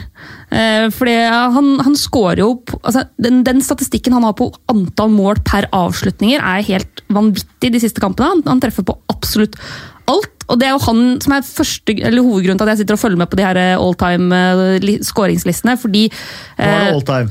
Ja, eller Premier League, da. Eh, nei, fordi han er på 90 nå, ikke sant? så han kommer jo til å ta igjen van Nistelrooy på Og 95. Ja, ja Solskjær er 91, så det er Ja. neste kamp, sannsynligvis. Eh, og da er det neste etter det er da van Nistelrooy på 95. Det skjer jo den sesongen her. Ja. Det er helt klart at eh, det gjør det. Og så skal han da etter hvert opp mot uh, sånn Adebayor, uh, Drogba på 104. Det er ikke utenkelig at det det, også faktisk. skjer. Paul Scholes på 107. Altså, den kampen følger jeg litt med den sesongen her. Hvor høyt klare var det å komme seg? Kan han for eksempel gå forbi Ryan Giggs på 109? Det er et stykke opp, men han kommer jo til å bli stående igjen som en av de liksom, største målskårerne. Jeg liker at han skyter i stykker expected goals. Ja. Flere må skyte i stykker expected goals. Det er deilig. Og uh, expected goals forteller jo bare noe om hvor, mange, eller hvor stor kvalitet man har på sjansene. Eh, de som skyter i stykker expected goals, er de som er gode til å skåre mål. Mm. Det er de som er gode til å avslutte. Og man gjør det over tid. okay, det er, da, Sånn som Aubameyang og sånn gjør. Da er du ekstremt god til å skåre mål. da. Punktum. Jeg var på Vickers Road, den eh, berømte playoff-matchen mellom Watford og Leicester. Da satt Kane og Vardy på benken for Leicester. Spilte Troy Dini. Troy Dini spilte, Troy Dini avgjorde. Uh, Knockert uh, brant Ja, den straffa. den der. Han Ja. avgjorde. Jeg ser for meg det nå. Ja, jeg også, for da satt jeg i taxi på et Det var den eneste gangen jeg har gått før, eh, før fulltid, for jeg måtte rekke et fly, og så skjedde, skjedde det. Det er jeg fortsatt bitter for. Eh, Jamie Vardy ble da førstemann til tosifra antall skåringer i eh, Premier League. Det har skjedd en gang før, at han har blitt det. Da vant Leicester ligaen. Men han har aldri skåra 30, liksom. I en, eh, men nå er han jo i rute til å Han var, ikke, han var han- oppe i 24 eller Ja, noe sånt men da de ikke, vant ligaen. ikke, ikke 30, altså det, det, Nei, 30 er sjelden. ja, ja, men det er liksom Nå var det 11 kamper. Spilt 11 kamper. Ti 10 mål. Les- det, som er, Ja, ja, greia- det, som det ja, det som er greia med Leicester, er at jeg, jeg, i motsetning til noen andre lag, som f.eks. Westham, da. eh, når man ser at de vinner en del kamper på rad, så tenker jeg sånn Dette er et lag i flytsonen. Men med Leicester så tenker jeg sånn nei, de er, ok, det er i flytsonen, men det er et kjempebra fotballag. som bare, De kommer til å fortsette å vinne og vinne, og de har et veldig fint program også. Velbalansert. Eh, veldig god miks av ungt og gammelt. De har liksom alt som spiller for seg der. Eh, og John Evans. For Ny en vår, signering! altså. Han og Gary Cahill mener jeg er to av de smarteste signeringene som er, eh, er, er, er gjort hvis man skal snakke Og den, den stopper duoen i Leicester nå også. Kjempemessig. Soyuncu har jo vært eh, glitrende hele sesongen. Synes han, han har imponert meg voldsomt. Også sammen med Evans der. Jeg, også, var- jeg var kritisk til han òg, jeg. For, og tenkte at nei, men hvordan skal det gå? Men han har vært kanonbra og veldig veldig solid. Tror du Harry Maguire angrer? Nei, men, nei Tror du United føler de kjøpte angrer feil ikke. stopper? Leicester angrer ikke. Men uh... det var jo de som mente det, at eh, United skulle kjøpt tilbake Johnny Evans framfor eh, Maguire, men det hadde kanskje vært å dra den litt eh, Litt langt. Vi må eh, avslutte på, eh, på London Stadium. Eh, Det er jo, var jo det ene bildet der hvor hele bortesvingen til Newcastle applauderer mot Steve Bruce, som applauderer tilbake. Det syns jeg var et utrolig fint bilde. Altså, må jeg bare si. Han har aldri blitt akseptert. Han jobba i motvind en stund nå. Jobba i motvind fra han ble ansatt. eh, Både fra media og fra supportere og fra alle. Og alle elsker Rafa Benitez. Han virker Også- veldig hyggelig, eh, Han- Steve Bruce. Ekstremt hyggelig, tror jeg. Jeg tror han er en fantastisk hyggelig mann. Og det har jo Brede fortalt her i podkasten nå. Han holdt jo på å signere for Steve Bruce en gang. Han ble invitert med hjem og inn i stua, og kona lagde te og noen scones. Det tror jeg på. Uh, og det var kjempedrivelig.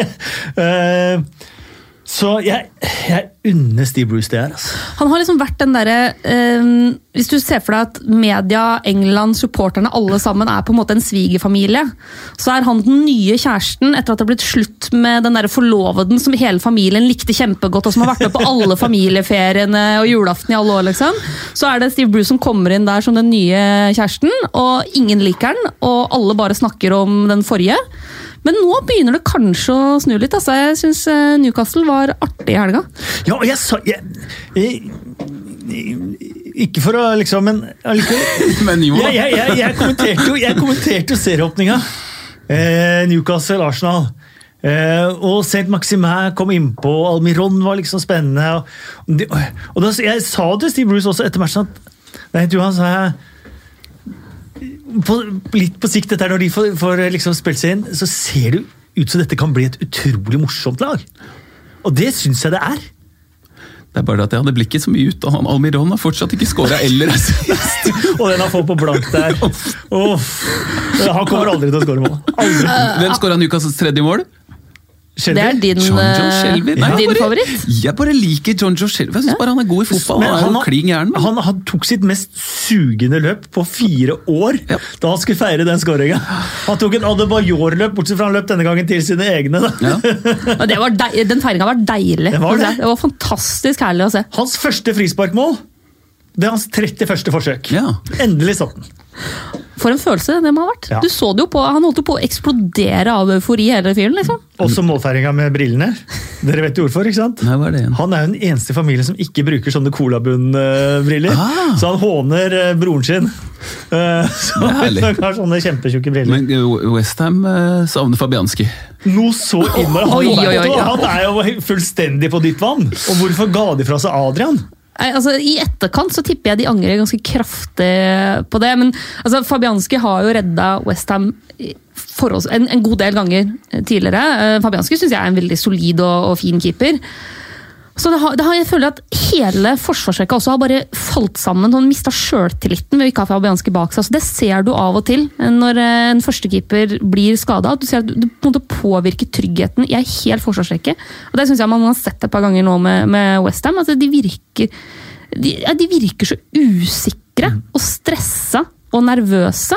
Og så bare, Det å bare la Newcastle flere ganger komme på blanke headinger, helt idioti. Eh, hvis han får avslutning fra fem meter inn, da er Roberto helt strålende, føler jeg. Alt annet helt sjakktest. Eh, Festheim har nå to uavgjort og tre tap etter at de slo Manchester United 2-0. Hvor lenge kan Pellegrino, Pellegrini sitte? Sitte, han må få lov til å sitte, vel. Jeg tenker han må få lov til å sitte. Jeg, jeg føler jo at han at For første gang siden de flytta inn i, på ny stadion, så, så følte jeg altså at jeg har en har, fikk en mann og en fyr som, som står i stil til prosjektet og til klubben og sånn. og ja, Jeg, jeg syns det, det er for tidlig å be om huet hans. Altså. Det, det, det er en dyktig fotballmann, det er jeg helt sikker på. Det er jo. Eh, Men vi får se. Det fins ingen garantier i Nei. fotballen, såpass vet vi. Eh, Da kan vi gå til blomster og kaktuser og det andre. Det var moro å se på. Morata var kjempegod. Hva i all verden? Det er lov å si mye det provoserer meg. Han snakka om seg sjæl, han snakka om dommeren. Rundens eh, blomsterbukett, folkens. Nå har vel sikkert André Gomez fått veldig mange blomster. da. Tror du ikke det? Det er så mye blomster Ja, på det- den der eh, sjukestua der. Det er det naturlige valget, sjølsagt. Men i, hva med Jenk Dosun, mm. som er først han er den aller første borte hos eh, André Gomez, og så er han nesten aller første borte hos sånn nå. Eh, samtidig, for å ta seg av mennesker ute på banen der. Seamus Coleman, som brakk beinet helt fryktelig i en takling fra Neil Taylor i landskamp med Irland, også helt ute der. Og i tillegg fortalte Pochettino at eh, Coleman var inne i garderoben til Tottenham for å trøste sånn eh, også. Og det var flere av de Everton-spillerne som jeg syns virkelig viste enorme mengder klasse Ja. Mm. i det som skjedde i etterkant av det brekte beinet. Så nesten Everton. Ja, jeg er enig. Litt sånn laget Everton. Jeg synes eh, de, de sto fram der, altså.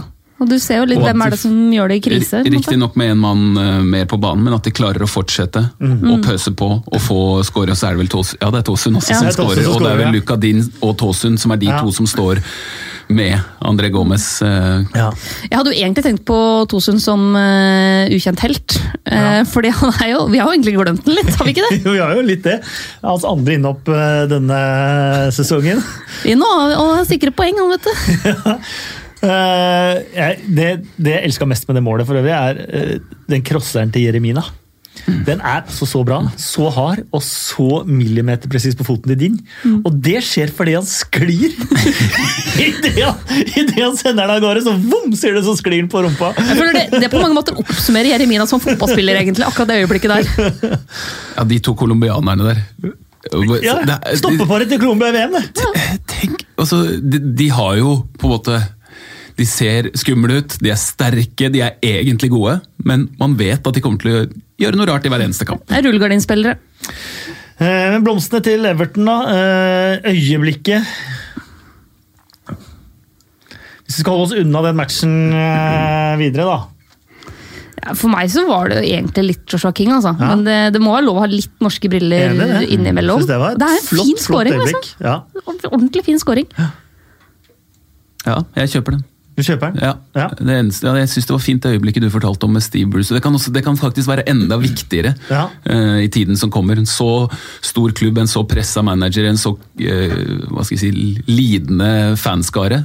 Den forsoningen der, hvis det var det, da. Ja. Eh, ja, men Joshua King kan få den, han. Altså. Ukjent helt. Uh, Saint Maximin.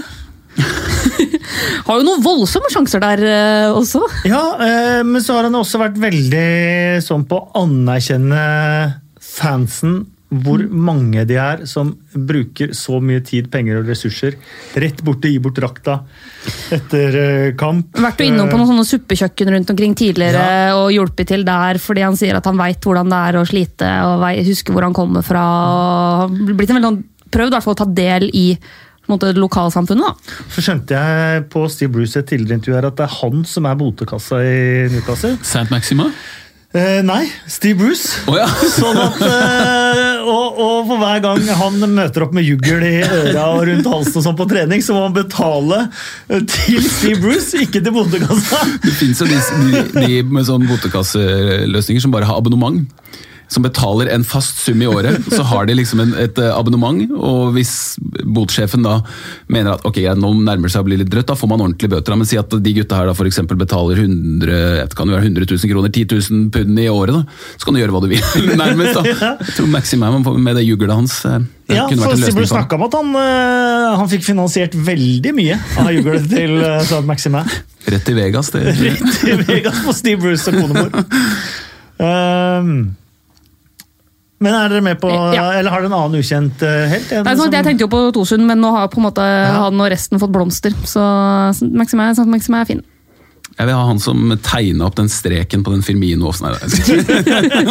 Helt! Helt! Hverdagshelt! Redde fotballen. kaktusen? kaktusen. Ja. Jeg har ikke lyst til å gi den til ungen min sånn. Det har ikke jeg heller. Fordi Det er det, er- det er Han har maks uflaks, liksom. Så jeg har ikke lyst til å gi det til han.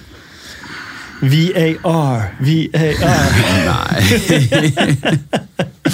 Men de dommerne må i hvert fall slutte å drive og altså det, det som er, Jeg meldte deg litt om det underveis i Ja. kampen. At det virker som at ettersom at eh, det var Anthony Taylor som dømte den Watford-kampen, så satt Mike Dean der og skrudde på hjulet sitt. Det skulle jeg likt å se. Det hadde vært bra TV. det. Få Mike Dean cam når han sitter og skrur på det hjulet i to minutter. Og bare mm, mm, mm, Og vi ser den samme situasjonen 20 ganger. Ja. Til slutt så bare That's a pen. Jeg, jeg, jeg har en følelse av at han visste det med en gang. Men at han bare sitter og skrur og skrur og skrur. og skrur, Så bare Anthony! Pen. og da har jo ikke Taylor sett straffesparket på. Men så er det Anthony Taylor som da er dommer eh, dagen etter. Og det var i Everton-kampen.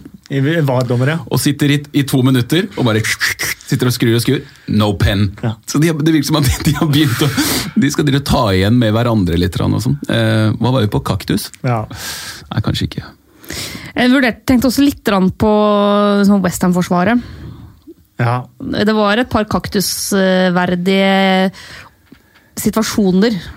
Absolutt, men, uh, Men det, er, det er ikke gjort av det vond vilje. nei, og det er å sparke noen som ligger nede, Ja. syns jeg. Og det er litt ufint. Skal vi gi den til VAR, da, eller? Bare var generelt. VAR, Send den til Stockley Park. Er det Stockley Park? Stockley Park. Hemmelig postkodeadresse. Det er ikke så veldig Jeg, klarer fortsatt ikke helt å måte bestemme meg for om det er en god eller dårlig idé. Altså. For det er så Nei, nå, eh, nå har ikke jeg eh, så mye mot eh, kommunisme som sikkert eh, mange andre har, men man har jo hørt, det har blitt sagt om kommunisme, at det er et fantastisk system. Det er bare man sliter om å, å, å Det er bare blitt praktisert feil. Og det er jo akkurat det man sier om VAR òg. Eh, og da lurer man jo på om det noen gang kommer til å bli praktisert eh, helt rett. Eh, er jo litt det jeg tenker, da. ja.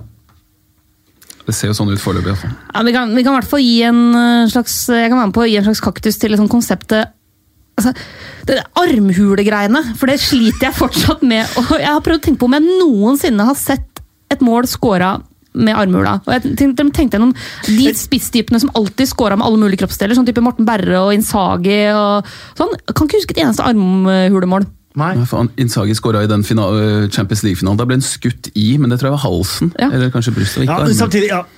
Litt armhuleforsvar, så går det an å score med skulderen. Det, Ja, men den er jo ofte lenger fram enn Ja, armhula. For Mario Balotelli gjorde det i en kamp jeg kommenterte eh. Manchester City. Ja. Det mest breiale jeg har sett noen gang, for jeg tror ballen går i tverrligger og ser rett opp. Og hele Norwich-forsvaret er fullstendig utspilt, som bare står på streken, venter på ballen, og så bare Ekstra irriterende når det er mot ditt eget lag òg. Det, det der er hens! Nei, det er ikke Aktiv skulder er jo uh, løgn. Det fins jo ikke noe som heter aktiv skulder. Men, men uh, en ting som ja, dere helt sikkert snakket med også, også om tidligere, men det der med at uh, hvis en angrepsspiller har veldig uflaks og ballen bare treffer den i hånda, det er alltid Hvis det blir mål etterpå, Ja. det er alltid hens. Men det samme er jo ikke i nærheten av å gjelde med forsvarsspillere. Nei. Det blir ikke flere mål av det. Nei da, vi har prøvd å gå en vei hvor man kan Ja. eh, begrense antall eh, mål, og hvor, man skal, eh, hvor det er vin på mandagsmøtet til den som klarer å finne feil i oppbygginga til et scoring i varebussen. Det virker nesten sånn. Så totalen her er kanskje... At man leter ekstremt etter å finne feil. Og som Bobby Madley sa i vår VAR spesial forrige mandag, så sa han i hver dødballsituasjon, så hvis du leter, skal du klare å finne straffespark. Eh, og det virker som de sitter nå og leter, og at uh, hovedvardommer roper rundt i bussen. Den som klarer å finne noe feil her, får eh, vin på mandag. Og det er litt irriterende, faktisk. Ja. Jeg Du, du skal få den, Kasper. er greit for meg. Kjøper, sponser, betaler og sender kaktus. Vi går til Bill Edgar. Arsenals syv siste. Aldri skjedd! Første gang siden er den sjette spilleren. Fun factsene til Bill Edgar. Bill Edgar, statistikkmannen i eh, The Times, har sin spalte i bilaget The Game hver eh, mandag, hvor han kommer med sine statistiske betraktninger. Um, bra Uh, expected wow uh, forrige, forrige mandag. Har du eh, god følelse på expected wow? Ja. Ja. Ja, jeg har alltid Kanskje det. han knuser expected wow eh, denne gangen. Vi titter. Eh, Wolverhampton har spilt 1-1 i seks av sine første ti seriekamper. Første siden Nottingham Forest i 1997 til å gjøre det. Eh, denne her er Liverpool har 131 poeng på sine 50 siste ligakamper. Til tross for deres dominans eh, i tidligere tiår, hvor de har vunnet eh, liga, hvor de har herja, hvor de har gått ubeseiret eh, Ikke vel ubeseiret, 29 første serierundene på slutten av 80-tallet der. De har aldri tidligere tatt så mange poeng i noen 50-kampersperiode i klubbhistorien. Det er, det er wow. Det er Høy ganske eh, sjukt. wow der, altså. Eh, på 1800-tallet eh, tok eh, Og på 1900-tallet så tok eh, vant Aston Villa halvparten av kampene mot eh, litt tradisjonelle Big Three, Liverpool, Manchester United og Arsenal. På 2000-tallet har de kun vunnet én av 55 kamper mot de samme tre. Aston Villa er på andreplass på pausetabellen.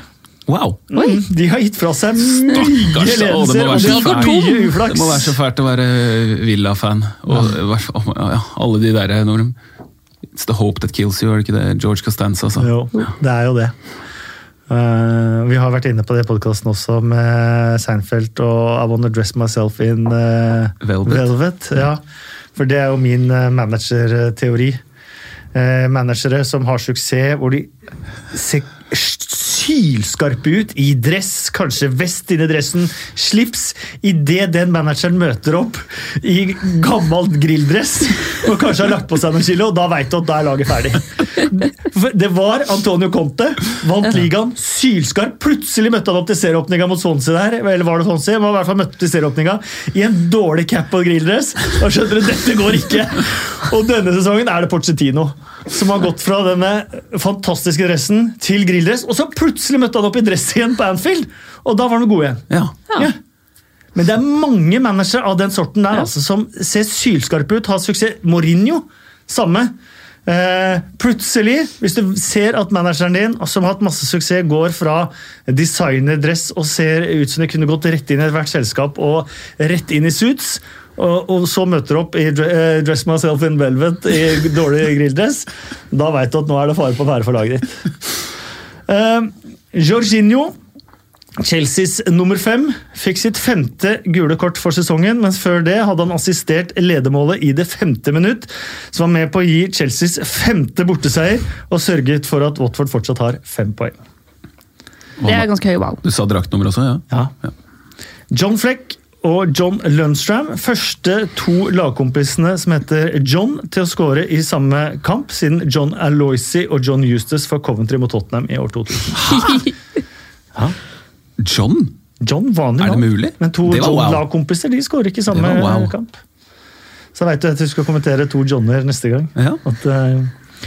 og så var vi jo inne på målforskjellen til Leicester totalt forrige gang også, eller Bill Edgar var det. Eh, nå er Burnley De har 20, 121 ligasesonger. Målforskjell 7167. 7167. er, det definisjonen på middelmådighet? Det er helt nydelig. Helt er nydelig. definisjonen på bare Vi skal ikke glemme, Veldig stabil. Vi skal ikke glemme at eh, det er ikke altfor mange lag i England som noen gang har vunnet ligaen. Men Burnley er blant dem. Ja. Så man skal ikke undervurdere Burnley. Sheffield United også blant dem. Huddersfield òg, eller? Huddersfield blant dem. De vant jo tre på rad Ikke sant? på 20-tallet. To av dem Herbert eh, Chapman, som gikk, du, og tok Arsenal til uh, eh, store, store uh, fremganger. Så Huddersfield skal vi ikke glemme. Det er vel, ikke, det er vel bare Det er Huddersfield, og så er det Manchester United under Ferguson. Uh, jeg tror ikke det er noen andre som har vunnet ligaen tre sesonger på rad, faktisk. Da kan det bli Kan bli. Kan bli Manchester City nå. Eh, så det skal vi ikke, og det betyr at Ferguson kanskje er den eneste manageren som har gjort det. Og så får lyttere av podkasten arrestere meg hvis jeg tar feil. Det kan godt hende også. Vi er på eh, to PL-pod heter vi på Twitter. um, par spørsmål um, fra Twitter. Um, det var eh, et veldig godt innspill fra Mathias Steinsland, syns jeg. Eh, Hvorfor er det så mye styr rundt offsiden på Firmino? Stirling fikk et mål annullert mot Westham i første runde. Må offside-regelen forandres for at VAR og dommerne når riktige beslutninger kjappere? Men så kommer det som egentlig eh, er det som jeg syns var et godt innspill, så jeg hadde egentlig ikke trengt å ta med det første. Er overspilling et større problem med filming?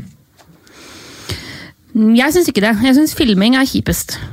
Jeg, eh, Eh, men med mindre du prøver å overspille på noen utvisning og den type ting. Eh, det er bare Det syns jeg er ordentlig dritt. Men la oss se Hudson Odoi da, mot, uh, mot Burnley. Eh, det finnes en sak for overspilling der, selv om jeg syns at dommeren havna på en fullstendig feil avgjørelse. Eh, Mané eh, mot Aston Villa. Eh, Klopp argumenterer for at det er kontakt der. Kaller man det overspilling, eller kaller man det filming? Eh, sånn mot eh, Everton. Han får jo foten sin under magen til Jeremina. Eh, og han får litt, sånn, eh, litt spenn i kneet, det er også helt greit. Eh, men det er jo det er en overspilling for å lure dommer, det òg. VAR kunne ha fiksa dette her i den kampen Aston Villa mot Liverpool. Eh, det som skjer med Mané er én ting. Han overspiller. Han blir tråkka på, men han overspiller. Eh, så da kan de ok, Jeg tror det er mange som liksom tenker at ok, det, der blir, det, okay, det kan være straffe, men greit, det er, det er for mye med liksom hodet bakover. Sånn gult kort. Like etterpå tror jeg det er. Eh, Sala blir holdt, albue liksom litt sånn i fjeset, holder seg på beina. Hvordan straffe, da vel? Hva, er- hva er beskjeden da? Beskjeden er du trenger ikke å kaste det. Ferdig. Eh, vi snakker liksom om en hyllest til Goodison Park. Eh, og Noe av det som er kult med å kommentere her, er at du har massevis av folk i ryggen til enhver tid. Så du hører absolutt alle meldinger som blir, eh, slengt. Eh, og hvis det skjer noe mot Everton, som man ser igjen på en reprise at det er mot Everton, så ser jo de min skjerm. Da har du alle over ryggen eh, rasende. Eh, Men det som jeg beit meg virkelig merke i, er hvor utrolig irritert hjemmefansen er på alle de greiene til Richarlison. Han kaster seg, han får vondt, han blir liggende. Alt er jo overspilling, ikke filming. eh, nødvendigvis. Eh, Stort sett de fleste eh, reaksjoner fra tribunen er 'kom deg opp', og for helvete ikke bli liggende der, liksom. Eh, Og det er for hans egne. Overspilling er et problem. Ja, det er et problem, det er jeg helt enig i. Jeg syns fortsatt at filming er enda verre. fordi da, altså, Sånn rein filming, når det ikke er kontakt engang, jeg synes det er verre, men det skjer sjeldnere. Så sånn sett er jeg enig i at overspilling er et større problem, fordi det skjer mye oftere. Ja. Men i seg sjøl syns jeg filminga er enda hakket verre. Det er så nedrig. Godt innspill fra Mathias Men det er eh, filming, altså det finnes jo også en tredje ting, og det er å konstruere en situasjon. Ashley Young-varianten. Ja, eller Jamie Vardy. Ja. Eller uh, Wilfried Saha. Eller Deli Alli har gjort det. Eh, sparke ut eller lene seg inn i, inn i noen for å oppnå kontakt. Eh, det det syns jeg egentlig er det verste, fordi da har du lagd en situasjon som ikke trengte å være. Eh, eller filming. Filming i ren filming. Det ser så dust ut, så det er liksom, det er sånn, ja, da, får, da får man i hvert fall, tror jeg, med VAR betalt for det. da. Absolutt. Men akkurat det der med å Men nå får man nesten betalt Var får bort filming, men man får betalt for overspilling. Manchester United, Daniel James mot Norwich. De fleste er enige om at det ikke er et straffespark. Han løper inn og får, skaffer seg kontakt og, og faller. Eh, eh, liksom, og en, en ting er noen legger et bein inn og så blir, blir tatt, men det der å drive og sparke til en fot, ah, det, det er jo juks. Sånn skikkelig òg. Ja, Det irriterte meg fryktelig med Jamie Vardy faktisk den sesongen de vant ligaen. Da han til slutt fikk rødt kort for det. Den kommenterte jeg, og jeg Beklager til Leicester-fans at jeg var veldig for det røde kortet. Men da var jeg sånn Å, det er så fortjent! Men jeg, jeg så på en sånn eh, statistikk, for jeg, jeg, undersøkte litt med Wilfried Saha. Han blir jo eh, felt hele tiden ute på banen. Felt så du hadde en blogg om det, gå inn og les den. Felt hele tiden, og uh, er den som får oftest, ganske klart oftest straffespark. Han blir felt ut, fordi han har ballen mye, så blir han felt, felt, felt, felt, felt. Når det gjelder Vardy, han får ikke mange frispark. Nei. Han får veldig få frispark, men får veldig mange straffespark. Så han gjør maks ut Han er jo oftere, han er sjeldnere ballen, da. så han er jo veldig sånn som har ballen hele tiden og blir felt. Men veldig, eh, så, så fort han nærmer seg 16-meteren, Jamie Vardy, så uh, må han nesten bare skygge banen. Eh, For han vet, liksom, han vet hvordan han skal gli inn i forsvarsspilleren. Og så hvis de mister huet og felleren, så syns jeg det er straffe. Men hvis han driver og sparker ut og sånn, da blir jeg litt dårlig. Ja. Han øh, Det han var fryktelig god på, det var det som skjedde i Western-kampen da han fikk øh, gult for filming der og ble, ble utvist. Var jo at han hadde mann i ryggen, og at han kaster beinet bakover for å bli truffet av spilleren som løper bak han. Ja. Det, det er nesten kunst. I så høyt tempo. Ja. Det er igjen et sånn helt nytt nivå av dette shithousery. Ja, ja, det Eh, shithousery, ja. Sliter med å ha et norsk ord for det, men det er et nytt nivå av det. Der er Jamie Vardy i særklasse. altså. Er Imponerende. Veldig imponerende og veldig deilig når det blir tatt. Eh, Vi skal avslutte med fem eh, kjappe spørsmål, eh, folkens. Bare først da minne som sagt om at vi er på Twitter. 2PL heter vi der. Vi setter stor pris på både stjerner og kommentarer på iTunes, om du går inn, inn der. Det er lov å gi færre enn fem, men da helst ikke gjør det. Eh, og så Still oss gjerne spørsmål og, og sånt noe om alt uh, mulig. Og så skal jeg stille fem eh, spørsmål uh, nå til Simen og Mina. Hva blir resultatet mellom Liverpool og Manchester City? Da er det resultattips, ikke utfall, men resultattips. 1-1. Jeg også har veldig magefølelse på uavgjort, men da sier jeg 2-2. Hvem blir toppskårer i Premier League? Jeg har lyst til å si Vardi, eh, men jeg tror det blir fortsatt Aubameyang. Aguero. Aguero! Aguero! Uh, vinner Watford sin første ligakamp på fredag? De møter Norwich. Nei. Nei. Ja. Manchester United mot Brighton på Old Trafford til eh, helgen. Hvem får registrert flest vellykkede pasninger av de to lagene? Brighton. Jeg tror, jeg tror eh, Åh! Jeg må si noe. Jeg har en følelse av at det blir Nei, jeg sier Manchester United. Det kommer til å bli så jevnt. Tenk vi sitter her, Mina! Oi, oi, oi, så viktig dette blir. Det blir helt tight med at United har litt flere. Kan Sheffield United komme til Europacupspill via Premier League? Jeg har så lyst til å si ja. At de tar en Burnley. Vet du Jeg sier ja. Jeg tror ikke noe på det, men jeg sier ja. Hyggelig. Bra. Bra, det. Eh, Felix, Ja. blir det europacupspill på Sheffield United neste sesong? Ne- ne- Nei. Nei. Takk skal du ha for at du lagde episoden. Bare hyggelig. Takk til Moderne Media. Takk til deg, Simen. Selv takk. Takk til deg, Mina. Takk for at jeg fikk komme. Veldig, veldig hyggelig. Og takk til deg som eh, hørte på. Og så høres vi igjen eh, neste uke.